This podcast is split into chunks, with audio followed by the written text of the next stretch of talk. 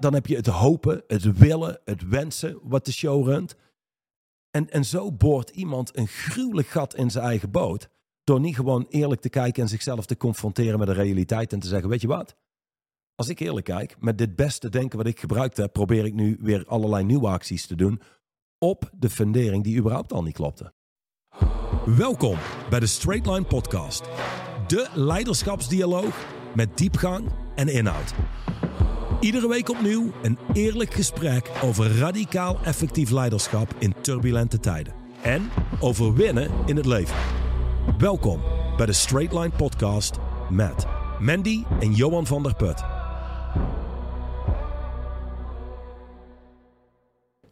Hoofdstuk 9 van het boek Straight Line Leadership staat vandaag centraal in deze podcast. Ben je er klaar voor? Mhm. Oké, dat is mooi. Weten versus leven. Ergens redelijk ver bovenaan in dit hoofdstuk staat een uitspraak van Werner Erhard. Macht komt niet voort uit kennis. Natuurlijk het tegenovergestelde van wat mensen altijd zeggen: kennis is macht, kennis is macht, kennis is macht. Dat is ons wijsgemaakt door de jaren heen. Echter, macht komt niet voort uit kennis. Wat mensen weten, geeft hen geen macht. Dealen met de realiteit geeft je macht. Je weet hoe het werkt bij ons, hè? Ik gooi iets op uit het boek en jij gaat ermee aan het werk in de podcast. Dat is het systeem, hè? Dat is het systeem, ja. Ja. Nou, dan laten we daar beginnen. Ja. Dus dat wordt ons vaak voorgehouden. Althans, ik weet niet hoe vaak ik die uitspraak heb gehoord. Maar vaak, kennis is macht. Dan heb je voorbeelden van eh, leiders die iedere dag boeken lezen. Ehm, vanuit het hele idee, hoe meer kennis, hoe beter. Toch zijn er veel cliënten waar wij mee werken die heel veel kennis hebben. Waarvan in eerste instantie wordt gezegd, ga op een low information diet omdat nog meer kennis toe gaan voegen niks bijdraagt aan een krachtiger leven. Uh, de kennis die je al bezit kunnen implementeren. Resultaat kunnen boeken met dat wat je weet. Dat is waar het waar het om draait. Dus anders word je zo'n soort lopende encyclopedie. En daarnaast, dit is misschien ook goed om te weten.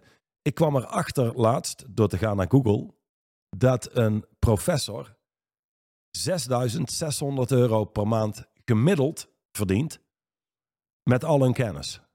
Toen dacht ik, hmm, op zich geen slecht salaris. Ik bedoel, laten we eerlijk zijn. Maar ik ken mensen met een heel stuk minder kennis. Die zouden kijken naar dat salaris en zouden denken: oké, als ik hier geen directe mensenlevens mee red of zo, dan dank je wel. Dan ga ik iets doen wat er echt toe doet. Dus het is niet zozeer de kennis die je heel veel kracht geeft, maar in staat zijn die kennis te implementeren. Dat is wat om draait in de wereld. Absoluut. In de basis en zeker in, eh, de wereld en in je eigen leven. Uh, als we kijken naar uh, de maatschappij, dan, dan zou je wel kunnen stellen dat mensen ergens vanuit de overtuiging leven dat kennis macht is.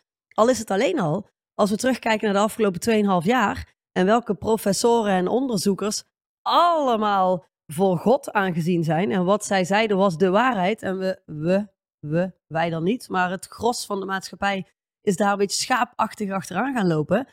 Ik zou me zo voor kunnen stellen dat dat ergens wel voortkomt vanuit de gedachte: kennis is macht. Hè? Die gasten die weten dingen die wij niet weten.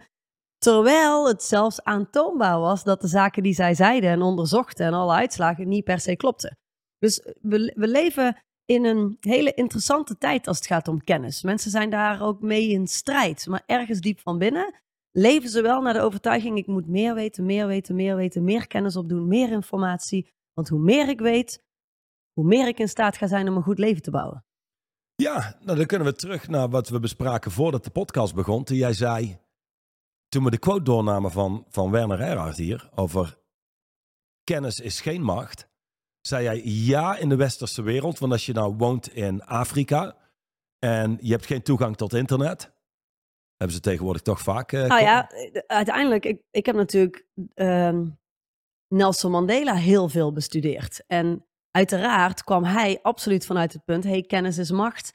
In, in de zin van zorg dat je kunt lezen, zorg dat je kunt schrijven, zorg dat je bepaalde wereldkennis opdoet. Want dan kun je ook ergens komen als klein Afrikaans kindje uit een of andere stam waar alleen maar armoede heerst. Ja. Dus vanuit dat oogpunt begrijp ik nog dat mensen leven vanuit het idee kennis is macht. Ja, en, en waarschijnlijk omdat er veel meer schaarste is, was aan kennis. Ja. Als je kijkt naar iedereen hier met een computerverbinding en een telefoon, die heeft toegang tot alles. Laat wel eerlijk zijn. Dus er is een overschot aan kennis. Ook als je kijkt naar de wereld en de maatschappij. De maatschappij is niet krachtiger geworden in de afgelopen jaren. Dus dan kom je terug op het hard times create strong men and women. Strong men and women create good times. En goede tijden creëren zwakke mensen. En Ehm, zwakke mensen creëren. Slechte tijden. Slechte Ja. tijden. Dus dat Ja. zou betekenen dat we naar zware tijden gaan of naar slechte tijden gaan. Ehm, maar dan kijk je naar de maatschappij. Ja, die is absoluut zwakker geworden. Er zit minder kracht in mensen. Er is ook minder connectie te maken met mensen. Iedereen is meer, meer, meer op zichzelf. Ehm, dus hier zitten we dan met al onze kennis. Hm. En ehm, de afgelopen twee jaar is dat overigens, als het gaat om kracht, nog verder afgenomen door alle lockdowns en alle, alle consequenties van dien. Ehm, dan ga je kijken, ja, nou goed, weet je, we hebben dus meer kennis dan ooit, maar dat betekent niet dat we in staat zijn meer te implementeren, meer toe te passen. Of als je nu kijkt naar een maatschappij dat je denkt, we leiden nou ook met, met z'n allen krachtigere levens. Eh, Totaal niet. Nee, absoluut niet. Als je kijkt naar kennis, ja, er, er, is, er is natuurlijk heel, heel, heel, met de komst van onze grote vriend Google, enorm veel informatie te vinden. En er is ook enorm veel desinformatie te vinden. Dus we zijn op een punt waarop je niet eens meer echt weet waar je echte kennis en informatie kunt halen. Nou, Los van- Ja, De kennis en informatie die je haalt uit implementatie en directe ervaring. ik dacht dat je ging zeggen, los van de kennis die je hier krijgt in deze podcast. Dat sowieso. verborgen marketingboodschap. Eh, alhoewel niet zo verborgen in dat geval. Ehm, maar het is waar. Je, je leert met name door implementatie. Dat is een heel ander soort kennis. Dan, dan begrijp je het. Dan pak je het op een diep level. Je hebt zoiets als theoretisch weten. En je hebt zoiets als iets kunnen toepassen. Wat betekent werkelijk weten. Wie, één, één, het zou Einstein kunnen zijn. Maar iemand heeft een quote wat, wat gaat in de richting... Weten plus niet leven is hetzelfde als niet weten. Maar ik zou zeggen, je bent beter af als je iets, ja, jawel, niet weet. Want als je iets wel weet, maar je past het niet toe, ben je slechter af. Je weet wat je had kunnen doen, je weet wat er mogelijk is, maar je past het niet toe. Zie het als een kettingroker die onbewust aan het roken was, maar in één keer krijg je te horen wat het allemaal doet met je lichaam, zonder te stoppen. Nou, dan ben je slechter af, want waarschijnlijk creëert het een hoop frustratie. Ja, Weten of- wat je kunt doen, maar het niet leven, dat creëert frustratie. dat creëert zeker frustratie. En als we dat naar de zakelijke context trekken, er zijn, er zijn ik weet niet hoeveel ondernemers in Nederland en Vlaanderen die weten dat communicatie in hun organisatie verbeterd zou moeten worden. Ja, Of die weten dat er bepaalde processen en structuren nodig zijn om, zakelen soep, zakelen, om zaken soepeler te laten verlopen.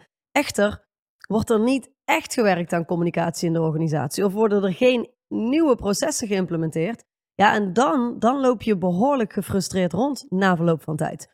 Niet in de gaten hebben dat er komt vanuit het feit dat je zelf verzaakt om te doen wat nodig is. ja, Dat is absoluut waar. Absoluut waar.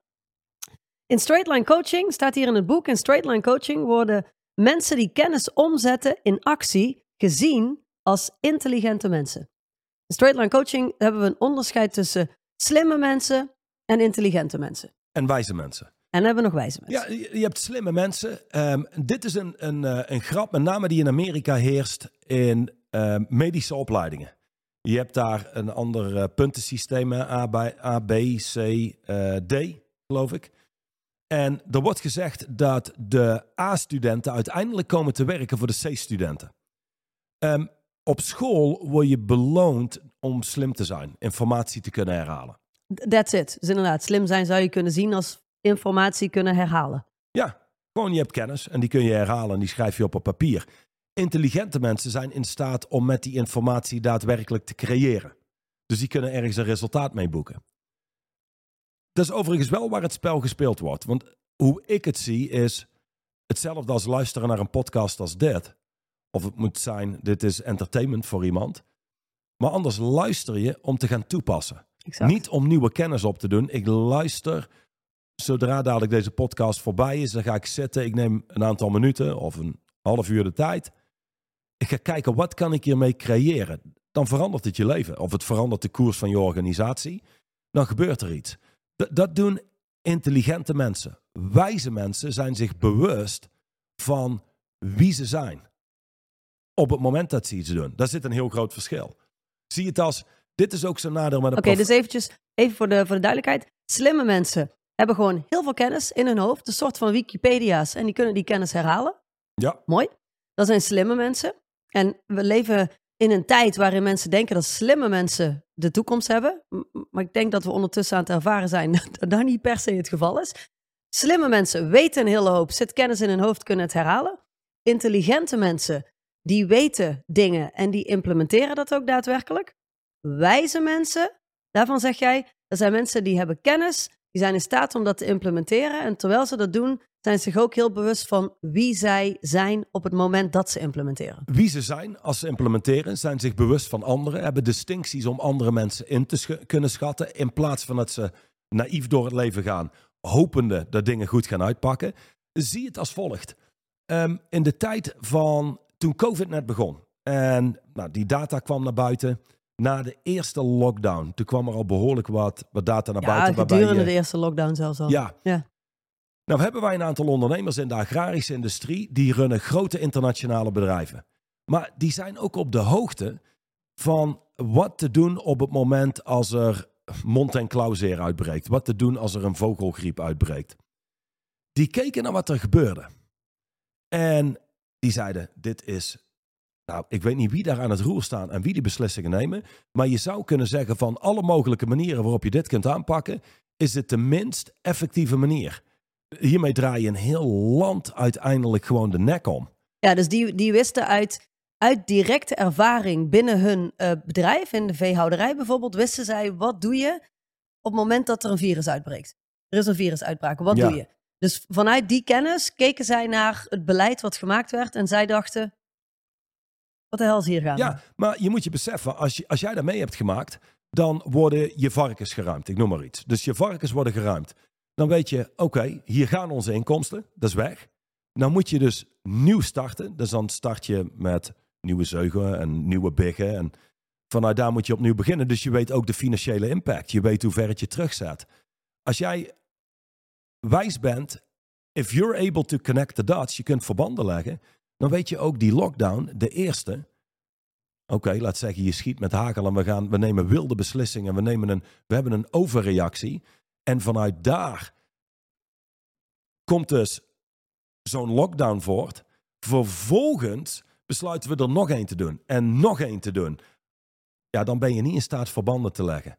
Dat wat in de eerste plaats al niet werkte, wat schade berokkent, doe dat nog twee of drie keer. Ja, Einstein had daar een uitspraak over. ja dat klopt. Insanity is doing the same things over and over again. Expecting a different result. Ja, Ja, ik snap wat je zegt. Als je kijkt naar die eerste lockdown en jij zegt, nou, wellicht is het een, of nou niet wellicht, dat was een overreactie die nog best te plaatsen is. Hè? Vanuit eh, de, de mensen in de, in de overheidsposities, die moeten dan beslissingen maken. Ik, ik wil niet zeggen dat het, dat het een logische beslissing was, maar het is nog best te plaatsen. Dat je denkt, Mhm. oké, we weten niet wat er op ons afkomt. Kijk wat er in China gebeurt, kijk wat er daar gebeurt. Hoppakee, lockdown, kijken eh, en, en vanuit daar gaan kijken, hoe, hoe moeten we hier nu mee omgaan? Als je het mij vraagt, de reden waarom volgens tweede, derde lockdowns en al die andere gekkigheid is, los van de mogelijkheid dat er een hele andere agenda is, maar als we, die, als we dat, dat stuk eventjes terzijde laten, ja, wat is er dan eigenlijk gaande? Mensen die niet toe willen geven dat ze een overreactie hebben gegeven? Mensen die niet bereid zijn om inderdaad gewoon dots te connecten en, en een microfoon te pakken en eerlijk en open te zijn over, hey jongens, we hebben de afgelopen twaalf weken met z'n allen binnengezeten en gelukkig zijn we tot de conclusie gekomen dat dat eigenlijk niet nodig was. Dat krijgen ze gewoon niet verwerkt, zoiets. er wordt gezegd dat een van de grotere krachten op aarde, wat betreft mensen en hun gedrag, is wat het stuurt is, mensen willen er goed uitzien. Ze zullen gelijk hebben en ze wilden er goed uit. Nou, dat is de grootste kracht. Mensen, uiteindelijk, waar, waar komen heel veel discussies vandaan? Ehm, denk aan, dit hebben wij natuurlijk nooit. Maar, maar, maar anderen wel. Dan heb je een discussie, je hebt een ruzie.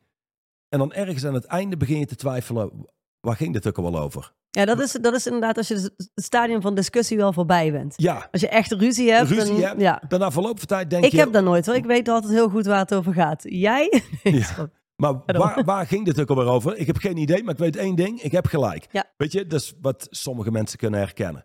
Dat is een van de grootste krachten op aarde. Ehm, zie het als, we hebben gesproken over een interne werelddialoog. Wat bedoeld is om je fysieke lichaam te beschermen tegen de dood. Dat doet het fantastisch. Rij een besneeuwde bergweg op en je auto glijdt en automatisch gaan je handen naar het stuur, je voet van het gas en dat soort zaken. Dat, dat, dat doen we helemaal niet bewust. Dat gebeurt gewoon Ja, hoeven we niks voor te doen. zo'n interne werelddialoog grijpt in. Het slaat daarin door, dus het beschermt wie mensen in de kern denken te zijn.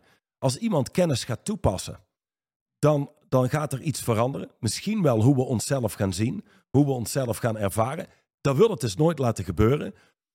Het komt ook heel sterk terug in, in dus het beschermen van een visie, het beschermen van onze acties. Door gelijk te willen hebben, en vooral geen ongelijk te willen hebben. Dus op het moment dat je besluit, hey, weet je, we zaten ernaast eigenlijk, die lockdowns werken niet. Nou, de meeste mensen zouden het nooit toegeven. Nee, klopt. Omdat dat deel in ons zo beschermend werkt. Dit is overigens in bedrijven, als je kijkt naar het kunnen creëren van resultaat en het doorvoeren van verandering. Je zult moeten stoppen met beschermen met elkaar en in staat zijn correcties te maken. Dat is waar het om draait. En zo'n interne werelddialoog zit in de weg. Hetzelfde als bij het weten versus leven. Als mensen een lijst zouden maken, dit is wat ik allemaal weet. Dit is wat ik leef. Daar zit het verschil in hoe je kwaliteit van leven zou kunnen zijn. Wat de resultaten in je leven zouden kunnen zijn. Hoe waardevol vooral je in je leven zou kunnen zijn voor jezelf en anderen. De meeste mensen staan daar niet bij stil. Maar wat er in de weg zit om die kennis toe te passen, is niet nog meer kennis. Is het doen van de acties. En om die acties te doen zit zo'n interne werelddialoog vaak in de weg. Ja, en op het moment dat het gaat over zakelijk leiderschap, en dat is wellicht ook voor onze grote vriend eh, Rutte het geval. Jij zegt net, mensen vinden het heel ingewikkeld om, of mensen willen graag gelijk hebben. Ehm, en als ze geen gelijk kunnen hebben, willen ze in ieder geval geen ongelijk hebben. Hè? Dus dat, dat, als, we, als we eigenlijk zien, we kunnen geen gelijk meer hebben, dan gaan we alles op alles zetten om in ieder geval geen ongelijk te hebben. En er een heel raar iets van maken. Ik zie dat in de zakenwereld heel veel gebeuren. Omdat ik zie dat heel veel zakelijke leiders ook leven vanuit de overtuiging dat zij altijd het antwoord moeten hebben. En dat zij het altijd moeten weten. En dat op het moment dat zij heel open en eerlijk zouden zeggen: hey, ik weet het ook niet. Of I fucked up. Ik heb verkeerde beslissingen gemaakt. We moeten dit nu met z'n allen gaan herstellen. Ik heb jullie hulp nodig. Dat is, dat is iets wat niet eens in ze opkomt. Het is, niet, iets- het is letterlijk iets wat vaak niet eens in ze opkomt. En ze gaan eigenlijk gebaseerd op, op, op bullshit, die nou eenmaal ontstaan is, gaan ze proberen allerlei corrigerende beslissingen en corrigerende acties uit te voeren. Bovenop die onwerkbare fundering. Exact, ja. Terwijl, heel eerlijk, als zakelijk leider is het misschien wel een van de meest krachtige dingen die je kunt doen. Bereid zijn met je team te gaan zitten en te zeggen, I fucked up. Ik heb Mhm. verkeerde beslissingen gemaakt. Ik had niet de juiste kennis en informatie. Dus we moeten bijstellen. Maar hoe vaak gebeurt dat nou eigenlijk? Ja, ja, voor mensen die verantwoordelijkheid kunnen nemen voor een interne werelddialoog. Want daar Mhm. komt dat hele verdedigen vandaan. Absoluut. Ja. Die zouden überhaupt kijken naar die situatie die jij net schetst als zijnde... Weet je, als ik 30 ben en ik onderneem... en ik vergelijk mezelf met de 40-jarige zelf die onderneemt... dan zou het toch moeten zijn dat ik in die 10 jaar tijd niet meer hetzelfde denk... niet meer hetzelfde spreek, andere ideeën heb... dus gegroeid ben als mens. Dan zul je dus juist verantwoordelijkheid moeten nemen voor de realiteit. En uit je eigen verhalen komen, uit je eigen redenen en excuses komen. Je zult onredelijker moeten worden om te shiften van weten naar leven. Het is vaak de redenen en excuses die je in de weg zetten. Ehm, maar dat betekent dat je moet gaan dealen met de realiteit. Oké. En, en, oké. maar dit is ook een ding, want als je kijkt naar ondernemers die bijvoorbeeld failliet gaan. Het, het is niet vaak dat een ondernemer failliet gaat, gecalculeerd. We hebben weinig kleerscheuren eraan overgehouden. Ook kleine bedrijven. Weet je, ik ken kleine bedrijven die gaan failliet eh, en die hebben een, een schuld van 8, 8 ton, een miljoen euro, terwijl er een omzet in zat van 300.000 euro.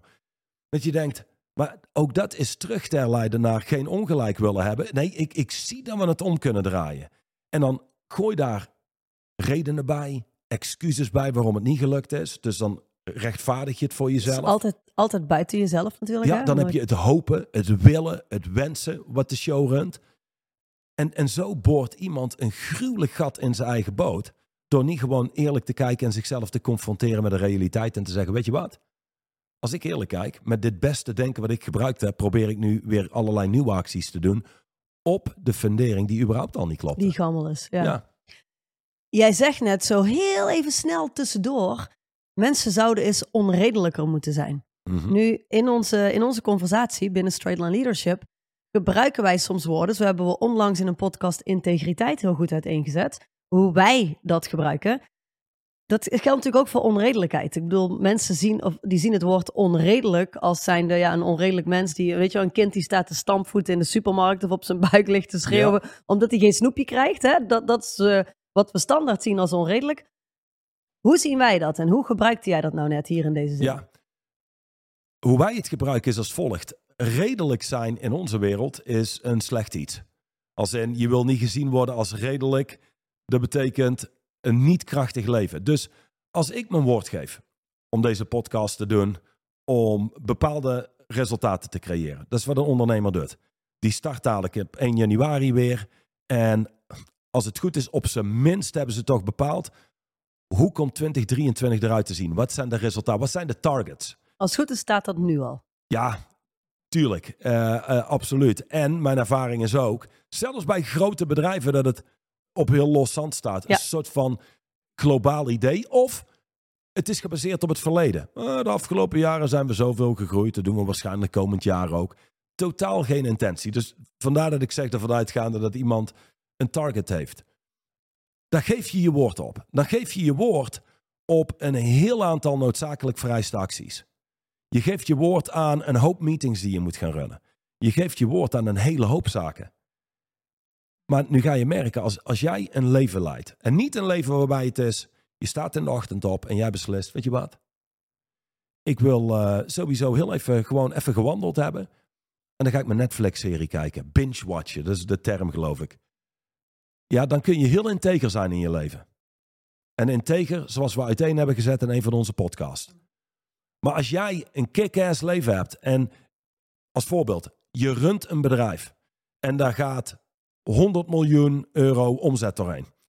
Of, nog 10 veel meer. miljoen. Of 10 miljoen Ja, of, dat of maakt niet uit. 200.000 euro. Ja. Een grote bedrijf is over het, over het algemeen wel een stuk complexer. Dus dat betekent, je hebt op nog meer gebieden meer mensen die hun woord eer Mhm. Moeten aandoen. Anders heb je een probleem. Dus je komt erachter dat als jij een leven leidt waar een hoop op het spel staat en waarbij je je woord hebt gegeven aan een heel aantal commitments, dat het soms bijna onmogelijk lijkt om terug te komen op je woord, om niet te doen wat je gezegd hebt te doen. Jij hebt bijvoorbeeld een leven waarin, we hebben Lotus, dat is een commitment. eh, is onze eh, dochter. Zeer belangrijk, ja, onze dochter. Eh, maar je, bent, eh, je hebt een rol binnen de organisatie. Ehm, je hebt eh, je eigen workouts die je doet. Je hebt allerlei plaatsen waar je je woord geeft. Een Ja. kudde van acht oude paarden die we eh, opvangen. Ja, nou inderdaad. Ja, precies. Dus daar zie ik je ook regelmatig rondlopen. Ehm, of het nou gaat om de paarden, of het nou gaat om je eigen gezondheid en je workouts. Zodra jij je woord stopt na te komen, dan zakt dat allemaal terug naar een heel ander level. Ja, dat klopt. En, dan, en dat komt voort op het moment dat ik ehm, een workout oversla of eh, een van de trainingen met de paarden oversla of iets in die richting. Dan, dan komt dat voort vanuit het feit dat ik redelijk begin te worden. Dan heb ik een gesprek met mezelf waarin ik, ja, letterlijk waarin ik redelijk begin te worden. Waarin ik aan het kijken ben naar, ja, maar ja, de rest van de maatschappij hoeft ook niet zoveel te dragen. Weet je? Op een gegeven moment moet ik mezelf ook afvragen, Mandy, kun je dat wel allemaal? En dan, en dan begin ik hele Ja. redelijke En conversaties die te hebben met redelijke mezelf. conversaties leiden uiteindelijk altijd naar comfort. Exact. Het nodigt altijd uit tot comfort. De makkelijkste die iedereen herkent. Want iedereen heeft een interne werelddialoog. De, de- deze hele podcast al. Ja, is absoluut. Over dat wat we delen. Hey, en op het moment En- dat je de podcast aan het luisteren bent of aan het bekijken bent en je bent je er bewust van, dan heb je al een behoorlijke stap gemaakt. Want de meeste mensen zijn zich helemaal niet bewust van het gesprek wat er nu op dit moment afspeelt terwijl ze luisteren naar onze podcast. dit zou het belangrijkste deel zijn van wijsheid. Het is dat waarvan mensen het niet weten, dat ze het niet weten, is dat hun leven voor het grootste deel gerund wordt door die stem. Dus mensen luisteren bijvoorbeeld naar deze podcast, naar een andere podcast, en dan zegt de stem, oh, dit, dit is goed. Oh, dit is goed. Of het zegt, oh, oh, dit is niks. Hier heb ik helemaal niks aan. Ja, Maar- hoe zit het nou met die onredelijkheid? Ik snap het nog steeds Ja, niet. precies. Maar besef goed, zo'n interne werelddialoog zal altijd eens zijn, mee zijn met hoe je überhaupt al kijkt naar de wereld. Ja. Het zal ook afwijzen als het niet strookt met hoe je kijkt naar de wereld. Maar je beste denken heeft je gebracht waar je nu staat. Kon je beter denken, had je op een ander punt gestaan. Dus je moet daar verantwoordelijkheid voor nemen, anders wijs je zo een hoop af wat waardevol kan zijn. Nou, ehm, dat was even een goede, een goede break in wat we deden. Dus redelijkheid is, nodigt altijd uit tot comfort. Je staat 's ochtends op, je zit te wekker, dit herkennen mensen. En je besluit eerder op te staan, maar je moet iets doen voor je gezondheid. Je wekker gaat om zes uur en normaal sta je op om zeven. En oh, ik ben moe. En, en die stem zegt, weet je wat? Je bent moe, het is beter om te blijven liggen, maar begin morgen. Dan rust nu eerst goed uit. Je hebt al zoveel op je bord. Ja, je kunt het er nu niet ook nog eens bij hebben. Dit is niet meer gezond je hoor. moet niet te veel verlangen van jezelf. Ja, en dan heb je nog een omgeving die versterkt zo'n conversatie. Eh, zelfs, we hebben één cliënt die is veel aan het afvallen. Eh, Oh, ja. Bijna een, een, een voorbeeld van gezondheid. Ja. Wat zegt zo'n omgeving? Ja, nu moet je wel echt normaal gaan doen. Beetje nu moet op je gaan letten nu, hè? gaan Je doen. bent nu wel heel Dus smal aan het dat worden. voedt alleen maar die stem in je hoofd die je ook wil uitnodigen tot comfort. Die wij noemen de redelijke stem. Ja, Exact. dus kijkend hiernaar, dan is het, het kletst je uit bijna alles wat je wil doen, wat een serieuze impact kan maken op je leven. Op jouw leven, op je organisatie. De dingen die je weet, die je zou moeten implementeren. Daar kletst het je uit. Juist. En onredelijke mensen in deze context zijn mensen die dealen met hun eigen redenen en excuses. Ik geef een simpel voorbeeld. Eh, of of hoe, hoe zo'n conversatie werkt en hoe je het voor de gek houdt. Ik heb de afgelopen weken veel getraind. En ik kwam gisteren bij mijn personal trainer. En ik weet de eerste oefening die we gaan doen is een front squat. En ik zei, goh, weet je, ik heb afgelopen weekend veel gefietst, eh, een aantal uren. Ik heb dit gedaan, dat gedaan. Het zou kunnen zijn dat we vandaag een keer rustiger aan moeten doen. Hm. Zegt hij, oké, geen probleem. En ik begin en mijn benen voelen heel zwaar. Uiteindelijk druk ik, of druk ik, geen idee hoe je dat noemt, ik ben geen expert, een aantal keer 100 kilo. Wat een verbetering was in die, eh, zeg maar in die reeks die met wat ik de weken daarvoor deed. Dus, weet je, maar de stem in mijn hoofd deed me geloven. Is het van, goh, maar een algemene vermoeidheid voel je. Weet je, misschien moeten we vandaag een keer rustiger aan. Ik denk niet dat... Hey, dus ik deelde dat, omdat ik ervan uitging, het gaat niet heel veel worden. Maar ook daar zie je, het zijn niks anders dan redenen en excuses. Dus dit, en, en dit is een, ik zou zeggen, een, een niks zeggend voorbeeld. Dat heeft niet heel veel impact op de kwaliteit van mijn leven. En Nou, ah, dat ben ik niet met je eens. Want het heeft heel veel impact op de kwaliteit van je leven. Want hoe je de kleine dingen doet, doe je ook de grote dingen. dat is ook waar. Als je jezelf de ruimte geeft om op die kleine, ogenschijnlijk onbelangrijke dingen redelijk te zijn. En daar hè, af en toe een keer de bal te laten vallen en reden en excuses voorrang te geven. Dan ga je dat ook doen bij de grotere dingen. Maar dan moeten mensen zich echt Ja, realiseren. absoluut. Ik vergat één ding. Is überhaupt, ik stond al in de gym. En ik was überhaupt van plan om de oefening te gaan doen. Ik wist alleen niet wat de intensiteit zou zijn. Maar als je helemaal niet bewust bent van die stem en die voert de show op. En je checkt in met je gevoel, en dat is wat veel mensen doen. Een soort van mijn emotionele temperatuur aanvoelen. Ja, dan was ik niet eens meer in de auto gestapt. Dan was het, ik ben vermoeid. Mijn lichaam, goh, ik denk dat het beter is om een dag over te slaan. Dus kortom, de, de, de, de takeaway van deze podcast, het moraal van dit verhaal is: hele redelijke mensen, die weten een hele hoop. Die hebben veel kennis, die hebben veel informatie, maar die implementeren daar bijzonder weinig van. Onredelijke mensen, en dat betekent allereerst eens keer onredelijk zijn richting jezelf. Gewoon de afspraken met jezelf onredelijk Dat maken en, wel, en aangaan. Ja, dat betekent wel dat je in contact moet komen. Allereerst met je eigen redenen en excuses. Dat is meer als water voor een vers. Mhm. Voor, wij verwarren die redenen en excuses met de, waarheid. waarheid. Ja, eh, dat is het ding. Ik zal een voorbeeld geven van onredelijkheid. Voor het tweede kwartaal van 2023 vroeg jij een aantal weken geleden aan Duchan. Je zegt, ik heb nog één document nodig. Er ontbreekt nog iets. Jullie hebben erover gesproken, zei hij. wanneer heb je het nodig? Zei hij, het liefste binnen twee weken, want dan hebben we heel dat kwartaal afgerond. Hij vertelde mij op donderdag hoe dat is gelopen. Hij sprak jou. Mhm. Toen heeft hij telefoontjes gehad tot half twee s'nachts. Hij is op bed gaan liggen. Om half drie s'nachts werd hij wakker en toen bedacht hij zich, weet je, ik ga het niet aan laten slepen, ondanks dat ze het pas halverwege volgend jaar nodig hebben. Ik zou het binnen twee weken aanleveren. Weet je, Mandy kan nu alvast vooruit. Iedereen kan alvast vooruit als ik het gewoon nu afcheck. Die schrijft een absoluut meesterwerk in 2,5 uur tijd. Kruipt voor 50 minuten terug, Terug zijn bed bed. in. Om vervolgens weer een hele dag door te pakken. Nu, nou weet ik uit ervaring, die, het maakt niet uit wanneer je een mailt of bericht. Je krijgt altijd antwoord. Om drie uur s'nachts, om 12 uur s'avonds, om twee uur 's middags. Nou, weet ik heel aardig hoe Duchan zijn leven leeft, de schrijver van het boek Straight Line Leadership.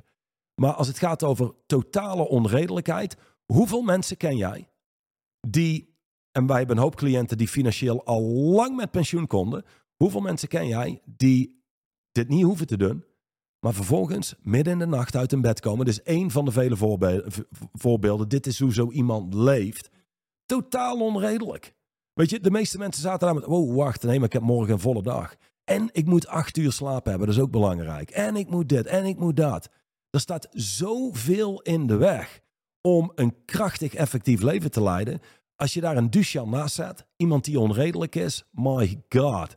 Well, they will murder you. En dan figuurlijk gesproken. Maar het is geen match. Als je zo iemand hebt als concurrent, als ondernemer, een onredelijk persoon. Ja, luister, dan heb je zelf een hele hoop redenen en excuses. Of, Nodig. ja, ja, ja, nodig. Of, of zeg maar, je maakt een ander fout, zodat jij gelijk hebt. Van ja, maar er zijn criminelen, weet je wel. Ik weet niet wat die doen, maar je kunt nooit zo snel groeien. Dat, dat is wat onredelijke mensen kunnen doen. Die zijn dus ook in staat om onredelijke resultaten te boeken. Er is dus in ons lidmaatschap niet zoiets als ja, 2023, de markt doet dit. Hmm, maar wij kunnen wel 6, 7 procent groeien. Nee, dus los van het verleden. Los van alle redenen en alles wat je hebt bedacht waarom je maar kunt wat je kunt. En die gaan gewoon kijken, wat wordt er mogelijk? En die zetten de lat hoger en die gaan vervolgens kijken, hoe gaan we dit behalen? En wie moeten we zijn om het te behalen? Dat is zo'n ander level, maar het zijn mensen die leven wat ze weten.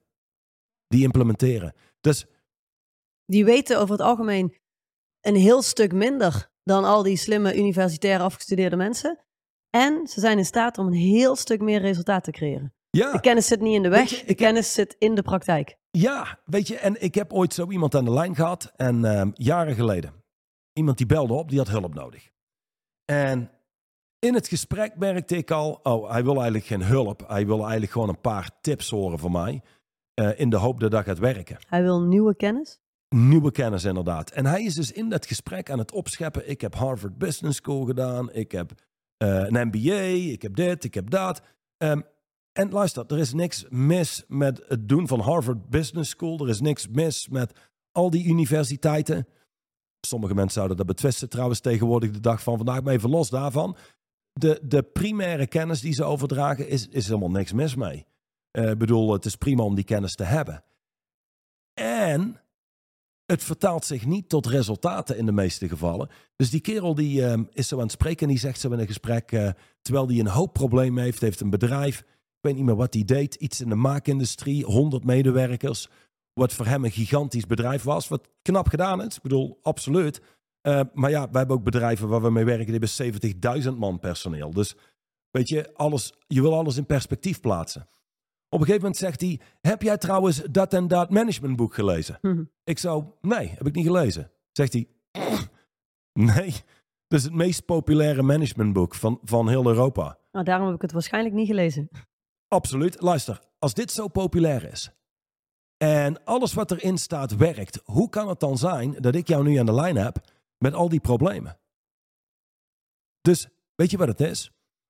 Ehm, ik ben blij voor je dat je al je diploma's hebt en een MBA hebt en Harvard Business School hebt gedaan. En de meest favoriete boeken leest. Ja, maar weet één ding. Ik ken een hele hoop hulpeloze mensen met een MBA. Het is niet een MBA die je succesvol maakt. Het is toch uiteindelijk, en dan zul je misschien maar terug moeten naar andere podcasts, maar het is waar je vandaan komt. wie je bent. Wie je bent is superieur aan wat je weet. Ja, en, en deze week staat de distinctie weten versus leven centraal. Dus Dus, ja, je, kunt ja. komen vanuit een positie van heel veel weten. Of je kunt komen vanuit de positie ik leef de dingen die ik weet en ik implementeer wat ik weet. En dit is trouwens wel een grappige. Ehm, intelligente mensen met veel kennis die bij ons binnenkomen, die, die echt in staat zijn hun eigen geprogrammeerde toekomst te doorbreken en te doorbreken hoe ze toevallig geworden zijn in het leven en zichzelf totaal opnieuw uitvinden, die zeggen allemaal hetzelfde. Alle kennis die ik al bezit komt in een hele andere context te staan. Dus in één keer begin ik überhaupt te zien hoe ik het kan implementeren voor mezelf. Als je de stap weet te maken van slim naar intelligent, dus de stap weet te maken van heel veel dingen weten naar dingen daadwerkelijk leven, dat is de stap waarin je dots met elkaar gaat connecten. Waarin je gaat zien wat je eigenlijk kunt met al die kennis die je hebt opgedaan. Want iedereen, mensen zien dat als allemaal losse elementen, maar uiteindelijk is het natuurlijk één groot web wat je met elkaar kunt verbinden op het moment dat je het daadwerkelijk implementeert in je organisatie of in je leven. Weet je wat grappig is? Ik heb ooit een, ehm, een man gehad, kwam solliciteren voor de functie marketingdirecteur bij ons. Aantal functies gehad binnen bedrijven, was zelf life coach. En ik stelde hem een paar vragen, dacht ik, Waarom kwam die überhaupt op sollicitatie, als ik vragen mag?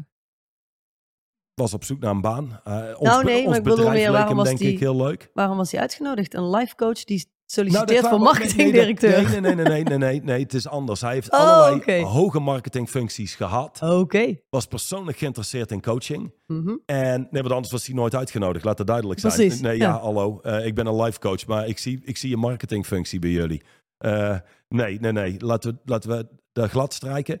Eh, het is iemand die een aantal, ik geloof zelfs bij de Telegraaf of zo, iets in die richting, een marketingfunctie bekleed heeft. Jaren geleden inmiddels alweer. Ehm, vervolgens zijn wij in gesprek en hij vertelt, ja, ik ben ook coach. Nou, da- dan gaan er wel een paar alarmbellen af. Hij was life coach. Dan hoor je iemand spreken en denk je, je bent helemaal geen life coach. Je bent een amateurtherapeut. Dat is eigenlijk wat je bent. Of een cheerleader. Ook. Eh, nee, nee, nee, dat dat was het echt niet. een therapeut. Ja, exact. Dus ik dacht al, oh, oké, weet je, waarschijnlijk is het geen hele goede match. Maar goed, qua marketing zei hij wel een paar goede dingen. En ehm, goed, wij ronden dat gesprek af. Ehm, en ik besluit, nee, we moeten het niet gaan doen. Zijn reactie naar de recruiter of wie die persoonlijk aangedragen heeft, was ja, oké, zonde. ehm, maar weet je, eh, ik moet ook heel eerlijk zijn. Ik had eigenlijk meer wijsheid gedacht te ervaren bij Johan, bij mij. En toen lag ik helemaal dubbel op mijn stoel. Omdat het is, zijn hele idee bij wijsheid is dat daar een soort hoogleraar zit. Mm. Die theoretisch alles kan vertellen over gedrag, over mensen, persoonlijke prestaties en dat soort zaken. Terwijl, daar zit geen kracht in. Tuurlijk heb je een hele hoop kennis, maar dit is het interessante. Ik heb al die jaren en tot op de dag van vandaag veel gestudeerd. Omdat ik gewoon heel geïnteresseerd ben in alles over mijn wereld. De wereld van prestaties, de, de wereld van transformatie, de, de wereld van resultaat. Ehm, nou, dat doe ik via Duchamp, Straight Line Leadership. Die heeft bepaalde eh, lecturen, gewoon, eh, zeg maar, niet de mainstream eh, boeken. En, en de meeste gaat dateert terug naar de jaren 60, jaren 70. N- Nog uit andere tijden, toen mannen nog echt mannen waren en vrouwen nog echt vrouwen waren. En dan vergelijk je dat allereerst met alle kennis die je nu, nu hoort. Dan is het eerste is, dit komt niet vanuit ervaring. Dit zijn een stel theoretische mensen. Die hebben een theoretisch boek geschreven, wat praktisch gezien nooit gaat werken. Maar dit is het ding met theoretici. Het klinkt zo mooi. Ja, het klinkt Theorie zo verdomd klinkt mooi. heel mooi, Ja. ja. En in theorie zit er ook geen verschil tussen theorie en praktijk. Dat is waar.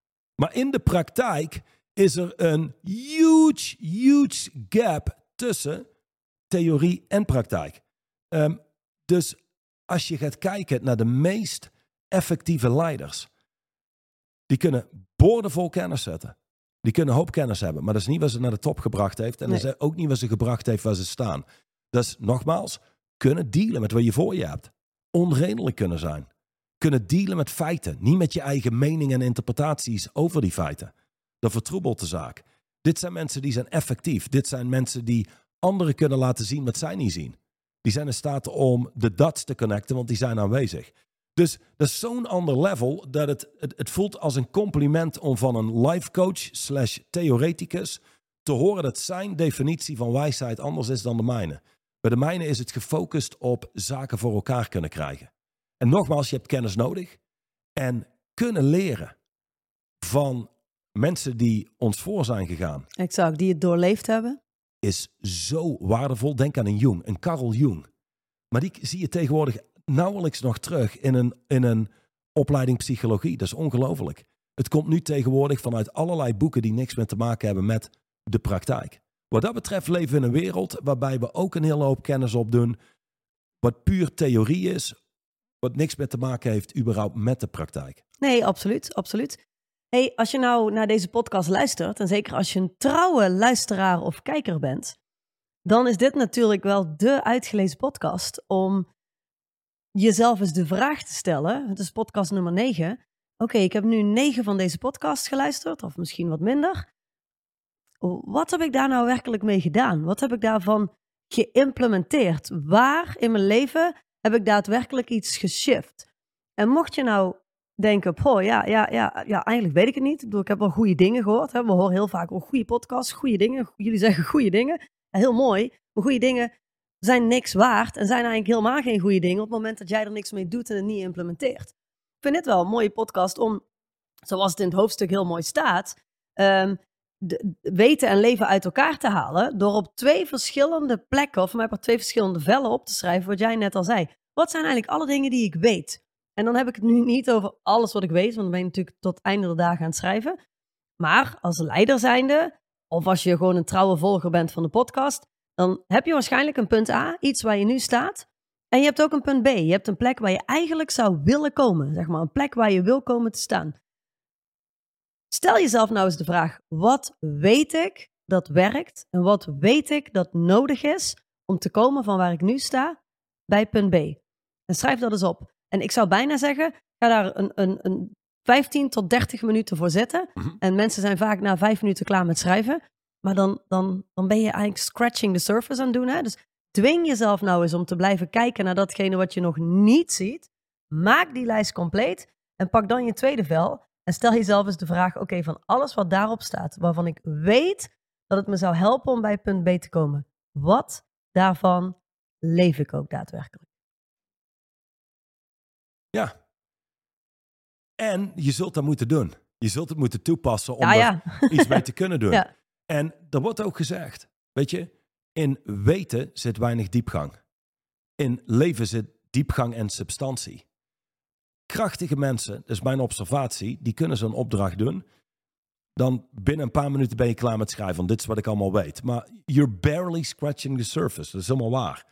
Die hebben de capaciteit om te blijven zitten en te blijven kijken en te blijven observeren. Net zo lang totdat ze gaan zien wat ze daarvoor niet zagen. Nou, daarmee ga je verder op die lijst. Dan heb je een uitgebreide lijst en dan ga je vervolgens inderdaad toepassen wat je nog niet, nog niet leeft. Ja, de dingen waarvan je weet dat ze zouden werken, maar die je gewoon niet geïmplementeerd hebt. En, en de vraag is nooit, hoe doe ik dat dan? Hoe, hoe doe ik dat dan? Dat is echt zo'n dooddoener. Ehm, dan heb je de gun to the head test in een van de hoofdstukken. Wat als je leven op het spel staat en je moet het binnen 24 uur gaan toepassen?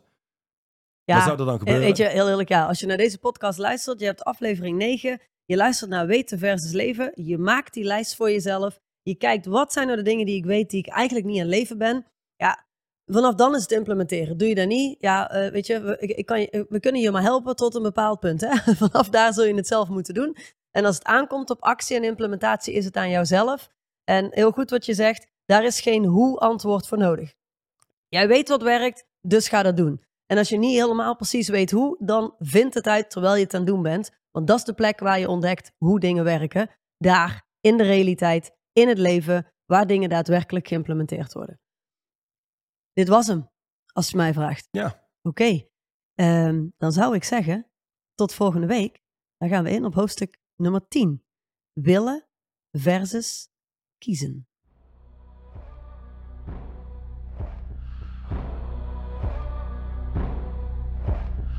De overige podcast beluisteren of deze nog eens terugluisteren? Ga naar het YouTube of Spotify account van Straight Line Leadership.